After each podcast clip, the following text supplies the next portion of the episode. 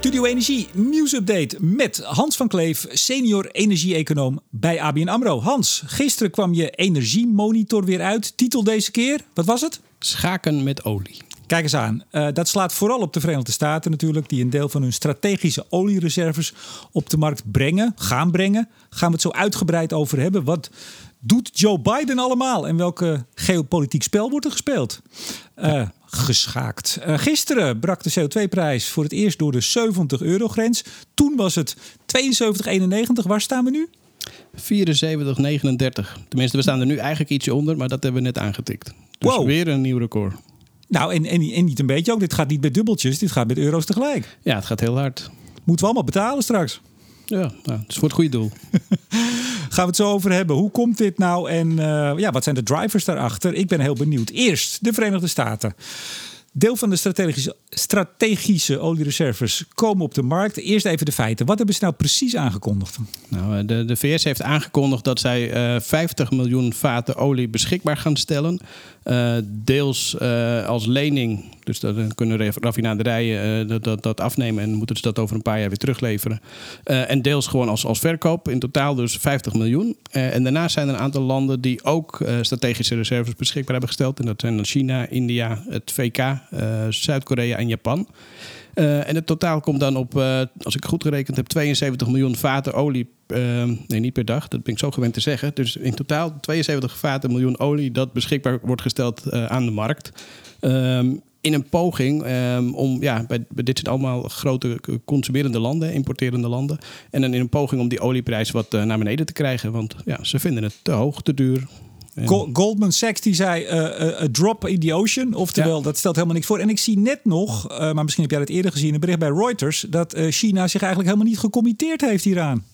Nee, nou goed, ja, dat, eh, dat is een detail. Maar en, dat was ook maar 5 miljoen. Hè. Dus ehm, dat, eh, dat, dat, viel allemaal wel mee. Of nee, 7 miljoen, sorry. China was 7 Ik wou miljoen. net zeggen, minimaal 7 miljoen, Ja. Hans, wel opletten. India zat ja, met ja. 5 miljoen, Japan India 4 vijf. tot 5 en Groot-Brittannië 1,5 miljoen vaart. En, en Zuid-Korea wist het nog niet helemaal. Ja, inmiddels wel, 3,5 miljoen. Oké, nou, kijk eens aan. Maar toch, Hans, dat, dat, dan praat je inderdaad over 70 miljoen vaten ongeveer. Niet per dag, maar per dag zitten we zo tegen de 100 miljoen vaten die we gebruiken. Nou ja, precies. En dat is ook meteen het punt. Hè. Het, is pure symboolpolitiek. Eh, je, je geeft 70 miljoen vaten, stel je ter beschikking aan de markt. Nou ja, dan is maar de vraag, neemt de markt dat af? Hè? En eh, als er geen capaciteit in raffinaderij is, ja, wat, wat moet je dan met die olie? Dus daar ga je er helemaal geen gebruik van maken. Dus dat is het eerste punt. Ehm, en, en ja, 70 miljoen, dat is eh ja, 70% van, van de consumptie mondiaal van één dag. Ja, en het, het verzoek van Biden was aan OPEC om de productie sneller te verhogen met 400.000 vaten per dag. Eh, eh, boven die huidige 400.000 die ze al doen. Eh, ja, dan, dan, dan nog, dan is dat effect in, in een paar maanden is dat compleet weg. Ehm, dus het, het is heel erg symbool. En, en dat is ook vooral, denk ik, wat, dit, ehm, wat deze actie doet. Het zet de politieke, de geopolitieke spanningen tussen, nou, in dit geval de producenten en de consumenten, nog verder onder spanning. En dat is volgens mij voor niemand goed. Daar wil ik zo nog even met je over door. Maar eerst nog he- heel even terug. Want ik kan me ook voorstellen dat luisteraars denken... strategische eh, oliereserves. Eén, wat is dat? En twee, is dit wel eens vaker gebeurd? Om met het laatste te beginnen. Is dat zo? Ja, eh, een paar keer. Eh, dit is de vijfde keer. De eerste keer was in de Golfoorlog in 91. Eh, de laatste keer was ehm, als gevolg van de burgeroorlog in Libië. En in 2000 was bij mijn weten de enige keer dat de VS olie op de markt heeft gebracht. eh, met als doel ook de prijs te verlagen. Alle andere keren was het puur omdat er een, eh, door wat voor reden ook. Katrina was, de, was overigens de, de andere keer. Ehm, en, en, maar wat je dan zag was dat er door oorlog, door, door Katrina in dit geval een weersomstandigheid, eh, dat er dus een tekort was aan markt. En da- daar zijn die strategische reserves eigenlijk voor bedoeld. Hè, voor plotselinge tekorten die je dan uit die strategische reserve kan aanvullen totdat het probleem is opgelost. Eh, en dit is dus de tweede keer dat het eigenlijk wordt ingezet om het, ja, het prijsniveau te managen. En dat is eh, in, volgens mij waar strategische reserves eigenlijk helemaal niet voor bedoeld zijn. Wij, wij hebben ook van die reserves eh, volgens mij aangelegd eh, na de jaren 70 toen wij twee oliecrisis, dat we ineens niet meer met het autootje de weg op konden. Ja, precies. Nee, dat klopt. Toen, toen, toen zijn ze aangelegd. En, en nu zie je diezelfde discussie hier in Europa gaande over gas. Hè? Want gasreserves hebben we niet. Tenminste, niet strategisch vanuit overheid gezien. Eh, en ook daar komen er natuurlijk eh, nu steeds meer eh, problemen. Ehm, dus het, het, onderwerp is heel actueel. En ja, ook, ook onderdeel van eigenlijk dat hele leveringszekerheidsverhaal, wat we natuurlijk al vaker langs zien komen de laatste tijd. Ehm, en ja, en dat in combinatie met de huidige hoge prijzen en, en toch al de wat toegenomen geopolitieke spanning is het een super actueel onderwerp. Nou, druppel op de gloeiende plaat. Ik zei het al. Jij zei al, uh, wat zei ik alweer? Symboolpolitiek. Toch even, waarom doet Biden dit? Wat zit hierachter? Nou ja, uh, eigenlijk tweeledig denk ik. De eerste kant is um, uh, ja, richting zijn kiezers. de Amerikanen zijn zwaar over de uh, nee, sorry, ik wil het anders zeggen. Die zijn behoorlijk geïrriteerd. ja, dat, uh, laat ik het Pas op, hè? Je bent nog steeds een keurige ABN AMRO-employee. Je ja, kan dat soort dingen niet zeggen. Nee, nee, nee. nee. Niet, op, niet, niet op tape in ieder geval.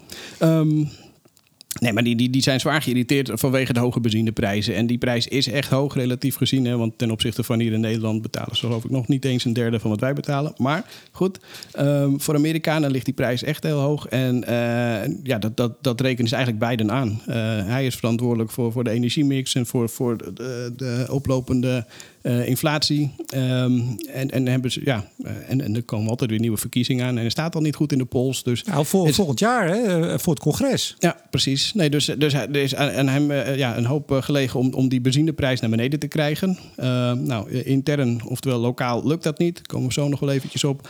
Uh, maar ja, en, en dus heeft hij elke keer gezegd tegen OPEC van ja, voer die productie op. Hè. Zelfs tijdens de COP26, waar hij opriep om vooral meer te doen aan klimaatbeleid en alles stapte die het podium af, belde met OPEC van ja, de benzineprijs is hoog. Doe er is wat productie bij. Um, dus dat is de ene kant. En de tweede kant is inderdaad toch uh, ja, richting, um, uh, richting de OPEC-landen, richting de producenten, um, die, die hem eigenlijk hier toch wel een beetje in de tang hebben. Van ja, uh, help, die, die, die, die prijs is te hoog, de inflatie loopt op en, en we moeten wat. Terwijl vanuit OPEC gezien ja, die noodzaak er eigenlijk helemaal niet is. Sterker nog, er zijn zoveel onzekerheden dat uh, die hebben zoiets van laten we even rustig kijken. En dat is ook precies wat ze hebben aangegeven. Hè, van ga nou niet die strategische reserves verhogen.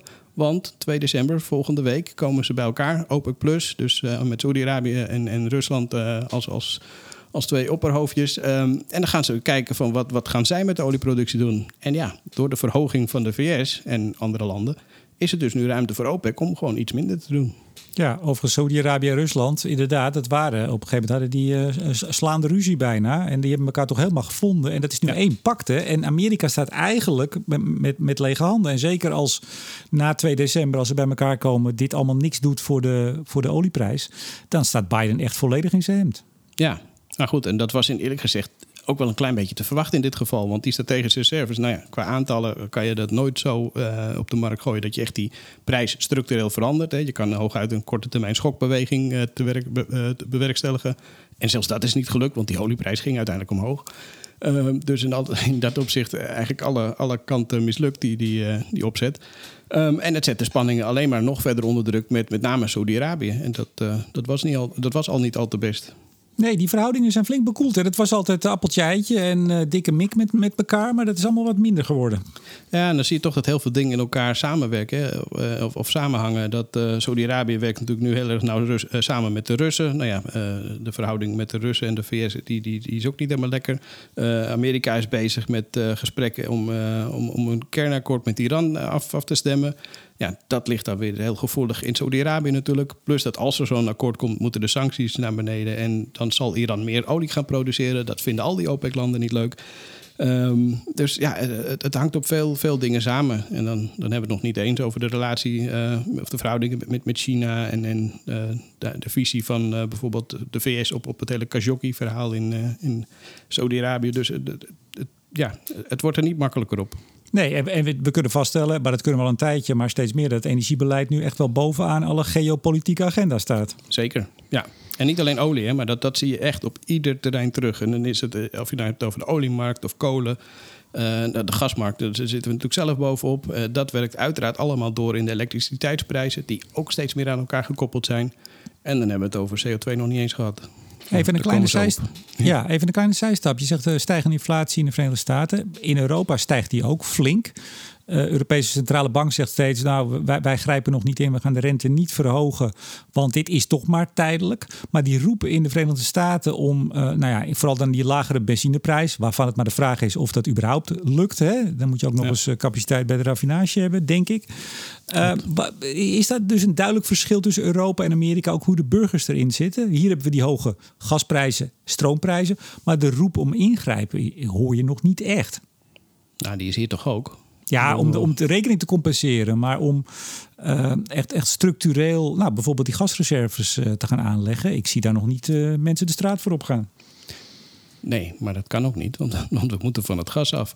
Oh dus, ja, dat, ja, ben ik dat nou helemaal vergeten, Hans? Ja, nee, gelukkig hou ik het een beetje scherp hier. nee, maar en, en dat is toch grappig, want ik, ik geef op dit moment best wel veel presentaties, steeds meer digitaal overigens. Um, maar over eigenlijk, eigenlijk precies dit, hè, waarbij uh, de lange termijn scenario's, onze ambitie, onze wil om een uh, netto zero situatie te hebben in 2050. En dat zet ik dan af tegen de, ja, laten we zeggen, de, de korte termijn realiteit. En, uh, en dat is dan met hoge energieprijzen, met het feit dat het opschalen van duurzame energie heel erg snel gaat. Soms zo snel dat het elektriciteitsnet het niet trekt. Maar ook dat er heel veel technologieën nodig zijn die toch nog in de, ja, in de kinderschoenen staan. Um, en, en dat gevoel van urgentie, dat botst dus heel erg met de technische mogelijkheden en simpelweg de, de tijd die het kost om dingen te realiseren. En dat, dat spanningsveld, ja, dat, dat zie je eigenlijk steeds verder toenemen en, en drijft, uh, ja, ik zou bijna zeggen, drijft de kampen steeds verder uit elkaar tussen mensen die roepen van het moet sneller, versus de mensen die zeggen van ja, maar eh, het, het kan niet sneller. Ja, dat zijn. Uh, ja, nou ja, goed. Laten we dit maar even laten zitten. Nog één, één punt over, de, over Amerika. Die waren op een gegeven moment uh, netto olie-exporteur. Inmiddels zijn ze weer importeur. Hun eigen productie uh, haalt het nog niet bij waar ze zaten voor corona. Waarom gaat die Amerikaanse productie niet gewoon omhoog? Ja, er is een aantal redenen.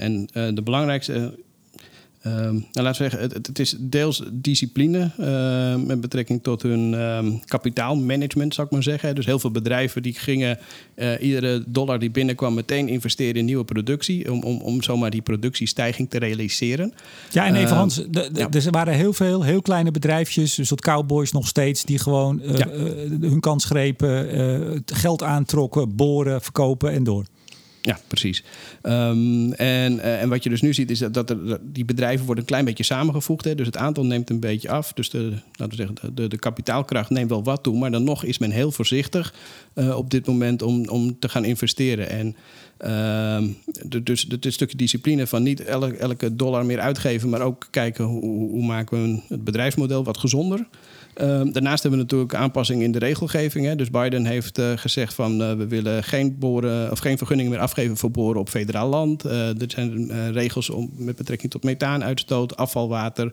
Um, en ik denk dat de laatste factor is, is puur arbeiders. er zijn heel veel mensen die tijdens die enorme daling van die productie gewoon in een andere sector zijn gaan werken. En ja, die, die vind je niet 1, 2, 3 weer terug. Dat alles zorgt dat die kostprijs van um, Amerikaanse olieproductie omhoog is gegaan. Uh, en dan, ondanks dat we dan op dit moment zo rond de 78 dollar zitten voor een vat olie in de VS, ja, is dat voor heel veel bedrijven toch niet genoeg om al die investeringsbeslissing te nemen. Dus het blijft achter. Plus dat. Um, je ziet wel dat die activiteiten toenemen. Hè. Dus er wordt meer geboord in de VS. Um, maar uh, dat is hooguit voldoende om die snel dalende olieproductie per veld te compenseren. Dus dat houdt die productieniveau redelijk op, op peil, rond de 11, 11,5 miljoen. Uh, maar ja, dat zorgt er in ieder geval voor dat die stijging richting de 13 miljoen vaten olieproductie die we zagen voor corona, ja, daar, daar zitten we niet, daar komen we voorlopig ook niet, als we er überhaupt weer komen. Maar Amerika begint een beetje te lijken op Nederland. Waarbij we aan de ene kant roepen van we willen van alles. En aan de andere kant soms beleid maken wat daar uh, uh, niet mee in lijn is. Want ook de, je noemde hem eigenlijk nog niet eens, staat wel in je energiemonitor. Hè, de Keystone-pijpleiding afgeblazen. Nou ja, een aantal andere maatregelen. En tegelijk belt hij even met OPEC Plus, jongens, doe eens even meer olie. Ja, en van de week zag ik een berichtje langskomen dat, dat over Keystone... dat er toch weer uh, wat, wat geluiden zijn, ook vanuit de democratische hoek... om misschien toch dat maar dan wel toe te staan. Want ja, dan zorg je in ieder geval voor dat je leveringszekerheid op peil is. En dus de prijs wat, wat gedempt wordt. En ja, dat, dat geeft het, het, lastige aan, de, de, ja, zoals het Internationaal Energieagentschap ook zegt, hè, de, de investeringen in de fossiele sector die, die zijn redelijk op peil uh, met een anderhalve graden uh, scenario. Maar de investeringen in duurzaam, ja, die moeten eigenlijk verdrievoudigen om dat tempo bij te houden.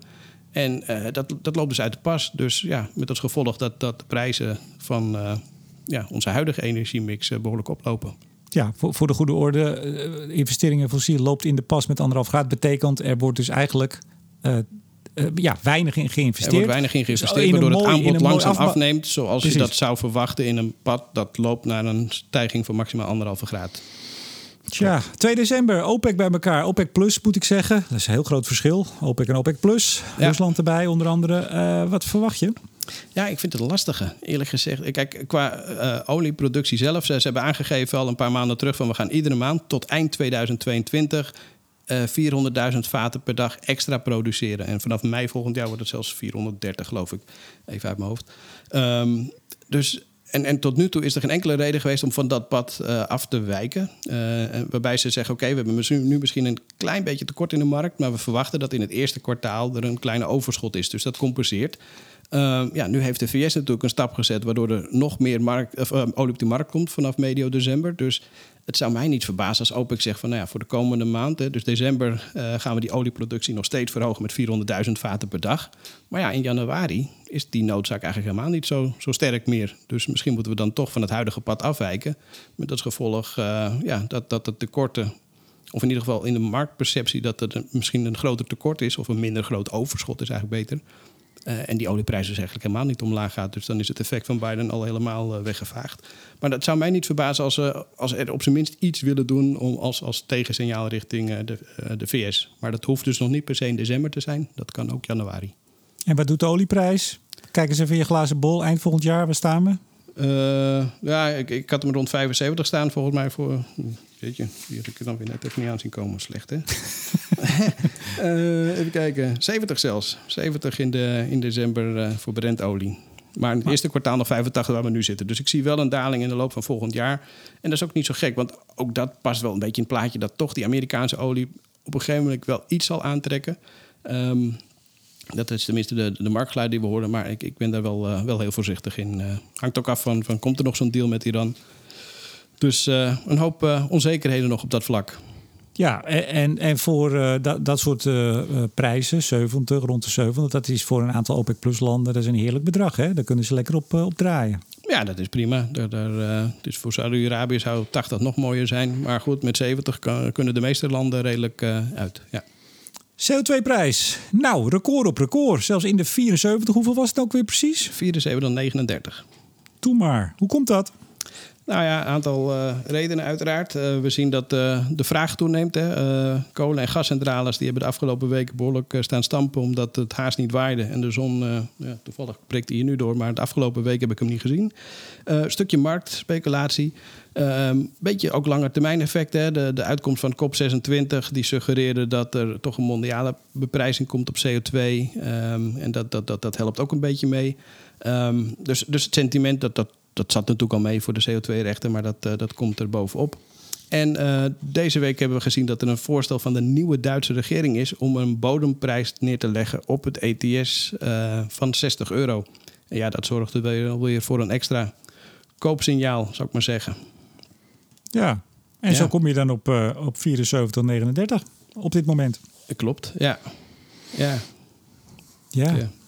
Moeten we er verder mee? Ja, nou ja, goed. Eerlijk gezegd. met name dat, dat, die, die actie in Duitsland. Eerlijk gezegd, ik, ik, ik vind dat raar. Uh, het is ook wel hier weer een klein beetje... Ja, symboolpolitiek is misschien klinkt niet heel aardig... maar het komt er wel een beetje op neer. Want uiteindelijk, ETS is toch... Uh, het is het systeem uh, dat, dat uitgaat van een dalend afnemend... dat is dubbel. Een, een afnemend aantal rechten...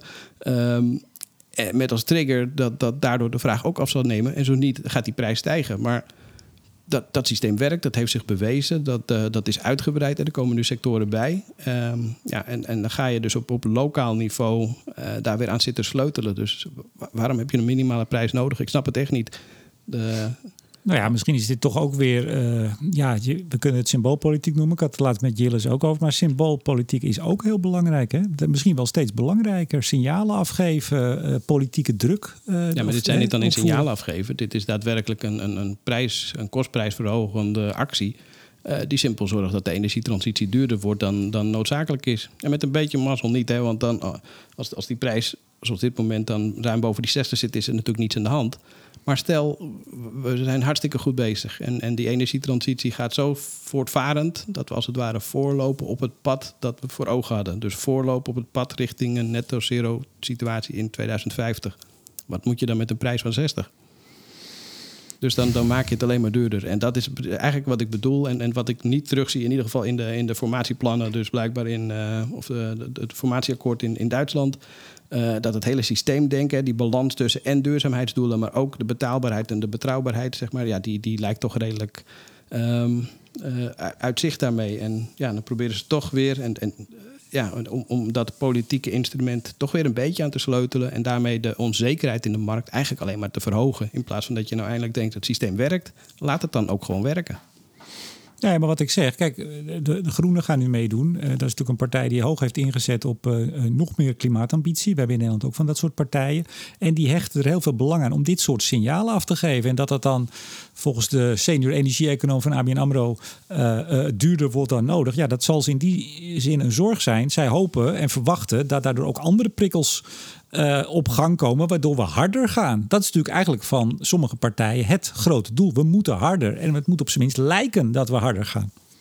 Ja, maar goed, ja, je, je kan wel dingen willen versnellen, maar je loopt ook tegen de, de, de grenzen aan van de technologische mogelijkheden. Dus je, je ja, ik, ik noemde vanmorgen een, een voorbeeldje ook van als je met een clubje mensen in Amsterdam be, bent, ja, dan kan je op verschillende manieren naar Maastricht. Hè. Je kan lopen met de fiets, met de auto, trein, vliegtuig, noem het maar. Uh, maar er is no way, ongeacht welke methode dan ook, dat je binnen drie minuten daar bent. En uh, dat, dat, is, dat is een beetje met dit ook. Het ETS Hyperloop, werkt. Hyperloop, de Hyperloop, Hans. Ja, en hoe lang duurt het om dat ding te bouwen? ja, dat duurt nog even, maar daar Oh. heb je ook wat. Ja, precies. Maar dat is eigenlijk precies hetzelfde met dit dus. Van ja, je kan er wel een prijs neerleggen, maar het voegt echt helemaal niets toe. Het doet niets af, of, of, het versnelt die hele werking van dat systeem niet. Als je dat wil versnellen, doe het dan Europees in Brussel met alle landen tegelijk, maar niet op een lokaal niveau. Maar om alle landen tegelijk iets te laten doen. Maar goed, we, we zijn een beetje in cirkels aan het praten. Uh, heb je soms landen nodig die voordat de anderen het ook vinden, uh, dit soort dingen gaan roepen, uh, signalen afgeven, bodems erin leggen. We zijn in Nederland hebben dat natuurlijk ook gedaan op onze manier. Een, een, een minimum ETS-prijs, nou noem maar op. We kunnen hier nog heel lang over door. En dat gaan we ook vanaf volgend jaar doen. Want wij gaan onze nieuwsupdate op een wat andere leest schoeien, hè, heet dat. Ja, klopt. Waarom gaan we dat doen?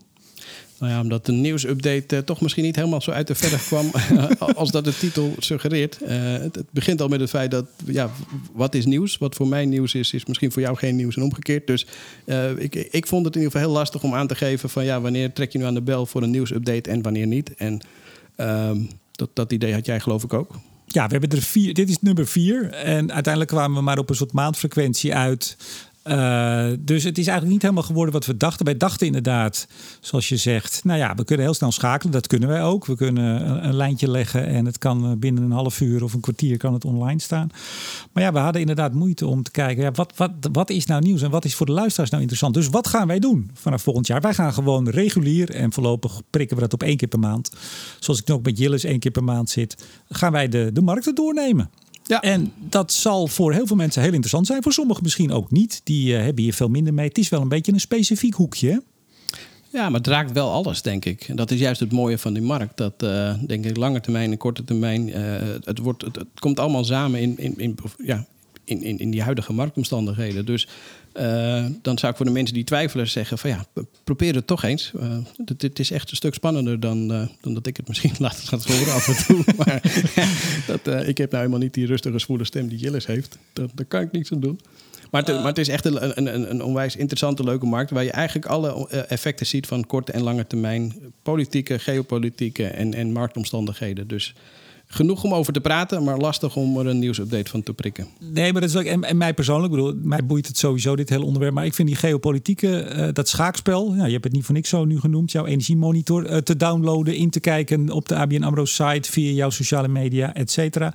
Vooral dat schaakspel en die geopolitiek, uh, waardoor dus niet alleen maar het hele energiesysteem eraan hangt, maar ook alle politiek en alle ja, ruzies en spanningen die er zijn. En soms ook uh, de, de, de, samenwerking. Ja, dat vind ik persoonlijk heel erg boeiend. Maar ja. uh, misschien onze luisteraars ook wel of niet. Dat gaan we zien. We gaan het zien. En als je nou luistert naar Studio Energie en je luistert uh, naar Jilles met uh, Blik op olie en gas en naar Hans straks met, uh, hoe gaan we het noemen eigenlijk? Mar market update. Maar misschien moeten we daar iets Nederlands voor verzinnen. Ik weet het nog niet. ja, vraag het je vrienden. Ja, uh, en, en inderdaad. Nou, inmiddels geloof vandaag al 157 vrienden. Het stijgt maar door. Als je het nou leuk vindt om te luisteren naar Studio Energie, dan kun je vriend worden. Vriend van de show. Jawel, voor uh, 3,50 euro per maand. Hans, wat kost dat nou? 3,50. Wat heb je net een biertje voor, geloof ik, of niet? Ja, ik geloof het ook. Wijn al ik, niet meer hoor. Ik zit te wachten op die opmerking van je bent nog geen vriend, maar die, die komt nog niet. Nou, ik moet zeggen, het gaat zo hard met het aantal vrienden van de show dat ik niet permanent bijhoud wie erbij is gekomen. Maar jij bent natuurlijk al vriend van de show. Kijk, ja, we, hebben, dat klopt. We, we, hebben in die zin wel, ja, toch ook weer meerdere soort, soorten vrienden.